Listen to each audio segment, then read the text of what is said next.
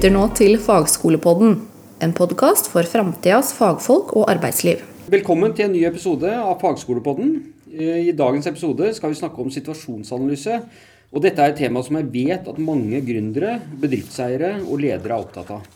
Situasjonsanalysen er jo en viktig del av markedsplanen. Og poenget med situasjonsanalysen er å få en god oversikt over bedriftens ståsted. Og det er først når vi har en god forståelse av nåsituasjonen, at vi kan peke ut veien fremover. I studio i dag har vi fått besøk av Irene Siljan og Henrik Fardal, som begge jobber i Innovasjon Norge. Kan ikke dere starte med å presentere dere selv og fortelle kort om Innovasjon Norge? Ja, jeg heter Henrik Fardal og har jobba i Innovasjon Norge eh, og tidligere SND i snart 30 år og har hovedsakelig jobba med gründere. Eh, og jobber med gründerfinansiering. Så jeg er jo veldig opptatt av det som er tema i dag, da. Eh, I de, i de finansieringsløpa og de tjenesteløpa som vi er med på opp mot gründere. Irene? Ja, Irene Siljan. Jeg jobber som innovasjonsrådgiver eh, på kontoret Vestfold og Telemark. Innovasjonsrådgivere jobber mye med leveranser av kompetanse til eh, bedrifter og samarbeidspartnere. Innovasjon Norge er jo mye kjent for finansieringsordninger. Men vi eh, har også en rolle som sparingspartner med eh, aktører som skal utvikle noe nytt. Og en del av den kompetanseleveransen jobber jeg med. Eh, vi har nevnt at eh, det er viktig å ha god oversikt over nåsituasjonen. Noe som kan gjøres eh, gjennom å undersøke bedriftens arbeidsbetingelser. Men hva mener vi egentlig med arbeidsbetingelsene, Ståle? Ja, Det er jo egentlig å få et overblikk over hvordan det ser ut rundt virksomheten. Altså de, det som vi kaller for eksterne arbeidsbetingelsene. Og så er det å få en oversikt over hvordan det ser ut i virksomheten. Hva er det en har tilgjengelig av ressurser for å møte det behovet en skal dekke. da. Så, sånn kan du si at det er, det er forhold i og utafor bedriften som påvirker mulighetene de har for å nå måla sine, og de ambisjonene, visjonen som gründeren eller virksomheten har. Og Derfor er det viktig at man eh, har en god situasjonsanalyse, fordi at eh, man skal jo dekke et behov i markedet som det er betalingsvilje for. Eh, og man skal ha oversikt over konkurrenter, og man skal ha oversikt over sine egne sterke sider og svake sider. Eh, så det å jobbe med de tinga i forkant, før, før situasjonen oppstår, kan være en god investering. Vi ser jo også at statistikken, hvis du sier at det er kanskje 75% som feiler da, i løpet av tre år. Det er ganske høyt, det. Eh, men vi ser at av de som klarer seg, så er det en ganske høy prosent som har gått for plan B. Altså, Det var ikke det de starta med, men de har analysert situasjonen, og de har tilegna seg kunnskap underveis som gjør at de kan få justert seg riktig inn. da. Enten det er å få inn kompetanse i teamet og styrke de interne arbeidsbetingelsene, eller om det er og, analysere trender og, og, det som skjer på utsida, sånn at de treffer markedet bedre med, med løsningen sin, f.eks. Mm. Ja, for da hadde de en idé, altså traff de ikke helt, og så får de ny innsikt, og så justerer de og endrer mm. egentlig retningen. At det er litt dynamikk i det. Ja, det tenker jeg er viktig med en situasjonsanalyse. Alle de strategiske verktøyene. At de, det er dynamiske verktøy. Altså verden endrer seg rundt virksomheten. Eh, til tider veldig fort. Det går på mange områder fortere og fortere. Og så skjer det en ting internt som gjør at du bør justere. Og så er jo en bedrift i utvikling, og, og spesielt for gründere. Det er ganske raske skift gjennom ulike faser. Da. Så det er viktig å jobbe dynamisk. Ikke, har, det er ikke sånn at når du har laget en plan, så er det om å holde seg til den for evig alltid.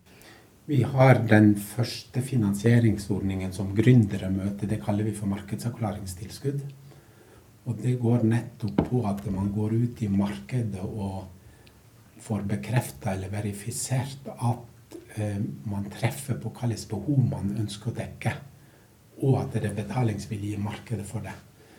Eh, og da vil forretningsmodellen og valg av forretningsmodell kunne endre seg hele veien. Så da man gjør til, eh, produkttilpasninger, men man gjør like mye tilpasninger i hvordan man, man vil ønske å drive fram bedriften, og hvordan man ønsker å framstå i markedet. Betyr det at dere tenker at den situasjonsanalysen at det er en kontinuerlig prosess nær sagt, altså som bør gjennomgås eh, med jevne mellomrom i, i virksomhetene?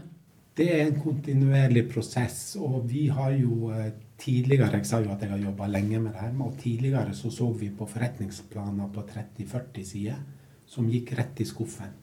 Eh, nå jobber gründere mye mer moderne med forretningsmodeller som kanskje er på et ark eh, som man da har som et levende dokument. Og når én ting endrer seg, så kan man lettere gå inn og, og korrigere det og, og, tilpasse seg det, enn å ta den der tunge forretningsplanen som man jobber mye mer med før. De er lite, lite fleksible for endringer. Tidligere så var endringsledelse et eget fag. Mm. Så det er en del av hverdagen nå. Det er, det er ikke et eget fag. Hvis du driver med ledelse og utvikling, så driver du med endringsledelse hele tida. Hvis du ikke endrer deg, så dør du ved posta. Veldig fine perspektiver. Hvis vi løfter liksom blikket litt ut av virksomheten da, og ser på eksterne arbeidsbetingelser, hva tenker dere er de viktigste driverne der? Vi ser jo selvfølgelig at eh, bærekraft har fått en helt annen rolle enn det det hadde tidligere. Ehm, så i forhold til all eh, kapital, finansiell virksomhet, så kommer det inn som sterkere krav. Eh, vi ser Hvis du ser liksom på utsida av forretningsmodellen, så har du på den ene sida markedskrefter. Eh, der skjer det mye rundt at behov og etterspørsel. Kundene etterspør bærekraftige produkter. På den andre sida så ser du hva skjer i bransjen. Eh, det dukker opp nye aktører, det dukker opp nye produkter, konkurrenter, eh, som du må forholde deg til, også i forhold til bærekraft. Og så er det nøkkeltrender, altså lovverk, reguleringer, alt som skjer fra myndighetssida, krav. Der kommer det inn.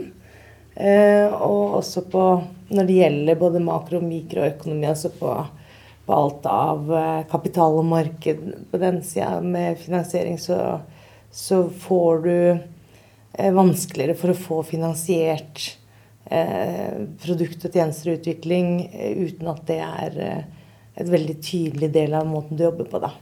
Så, så bærekraft er jo en, en, stor driver som har kommet sterkt. Digitalisering, effektivisering, det er jo en del av det å jobbe mer bærekraftig, det også. Det er to store trender. Hvis vi da går over til de interne eh, de interne arbeidsbetingelsene. Eh, hva tenker dere er de viktige, eh, viktigste interne arbeidsbetingelsene? Ja, Når du snakker om interne arbeidsbetingelser, så snakker jeg om Noen kaller det de fem p-ene. Altså ja, produkt og pris, distribusjon, markedskommunikasjon og folk. People. Mm. Personal, ja, blant annet. Ja, for det, det, jeg kanskje først og fremst tenker på, det, det er jo de, de tingene som er internt i, i virksomheten. Eh, og det går jo, som du nevnte, altså på personalet, men det går jo også på økonomiske forhold, eh, produktene man har, eh, teknologi og det med ledelse, f.eks. Jeg vet ikke om dere har noen spesiell eh, oppfatning av hvilke av disse som er, eh, er kanskje de viktigste interne arbeidsbetingelsene? Ja, det er jo en, en god kombinasjon, sikkert. Men Eh, den eh, Vi ser jo ofte på eh, hvilke ressurser bedriften har, og hvilke ressurser bedriften trenger. Og så ser vi på hvilke oppgaver som bør løses. Og da har vi jo en sånn as is-utgangspunkt, som er den situasjonsanalysen ofte, og hva som er, er, er, målet. Det vi har sett, og det undersøkelser viser, det er jo at man har kanskje lett for å ha veldig stort fokus på produktet sitt. Og at man jobber mindre med de andre eh, områdene som går på hvordan vil man framstå i markedet. Hvordan vil man, hva slags dialog vil man ha med kundene i markedet. Eh, og de tinga der er kanskje litt mindre vektlagt i, i mange bedrifter. Det er, det er, viktig at man ser på hva som er behovet ute i markedet, og at man greier å også hente inn det. Um, litt vanskelig setning det er jo at det er lettere å lage et produkt som markedet vil ha, enn å prøve å selge et produkt som du har lyst til å lage. Det er jo sånn at uh, de som kommer til oss og får kanskje tilskudd til markedsavklaring, de jobber jo med å avdekke behov i markedet. Og det er de færreste produkter startes og utvikles uten at det er et behov. Men eh, det er ikke dermed sagt at du treffer. Eh, så vi ser jo også på statistikken at de kanskje topp grunnene til at de som feiler, feiler, er jo at de traff ikke markedet. Eh, det er den ene. Og så er det at man går tom for penger før man har klart å, å utvikle noe som kan eh, skape inntekter. Så kontantstrøm og den biten der av de interne arbeidsbetingelsene er jo kjempeviktig. Og, og så er det at man har feil team. Så det er jo noen kjente faktorer som det er greit å på en måte ha, ta en avsjekk på. Ja, hvordan er det virksomhetene bør jobbe da for å lage en situasjonsanalyse? Hvordan er det en sånn tips å gi der? En situasjonsanalyse går jo mye på å få oversikt over informasjon og innhente informasjon. Eh, så man må jo ut, ut og snakke. Eh, en del ting finner man i publikasjoner eller på nett. Men god informasjon finner man i nettverk og ut og snakke med aktører og og, og hente inn opplysninger der det finnes. At man må ut og snakke og skape nettverk tidlig, tror jeg er en uh, god idé. Uh, det andre som er lurt å gjøre tidlig, som uh, du sa at kassa er tom, det er jo sånn at hvis du tenker finansiering først, når du har bruk for pengene, så er du litt seint ute. Så å både ha oversikt over nå-situasjonen hvilke oppgaver du ønsker å gjøre framover, hvordan du skal finansiere det, hvilken kompetanse trenger vi for å gjennomføre det, og hvilket nettverk vi trenger for å gjennomføre de aktivitetene. Det er jo, det er ting man finner ut av når man lager både den nå-situasjonen og planlegger framover. Men i tilknytning til situasjonsanalyse eh, så blir det jo ofte tatt en soft-analyse.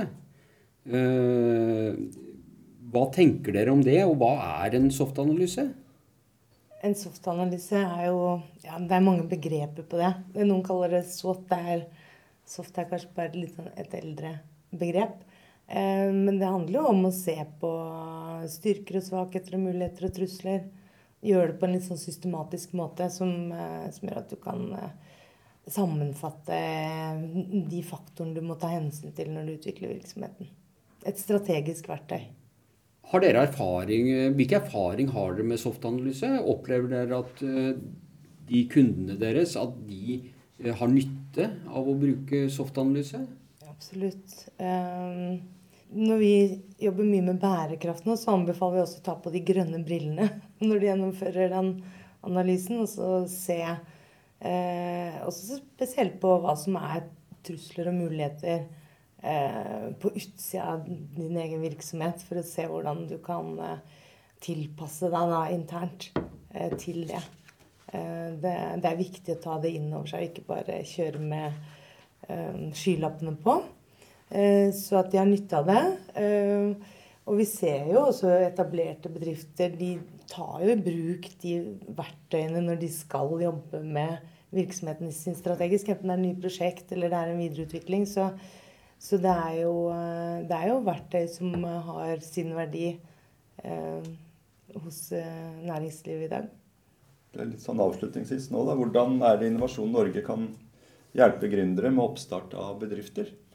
Ja, vi har jo eh, noen eh, tilbud på kompetanse og, og nettverk. Eh, der er det litt forskjellig terskel om man kan motta det, men vi har noen lavterskeltilbud som ligger på nett, som kan være å jobbe med forretningsmodeller, se på immaterielle rettigheter, eh, litt på, på internasjonalisering. Eh, så har vi noen eh, kompetansetilbud som det, er en litt høyere terskel hos oss for oss å få. Det kan være rådgivningstjenester. Det kan være å være med på større kursopplegg som kan foregå på inkubatorer både inn- og utland.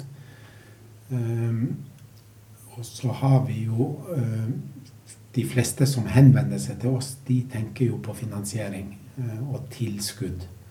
Tusen takk til Irene og, og Henrik for spennende deling. Sånn oppsummert så kan vi si at situasjonsanalyse det er noe virksomhetene må ha en sånn systematisk informasjonsinnhenting for å få oversikt over hvor de står hen.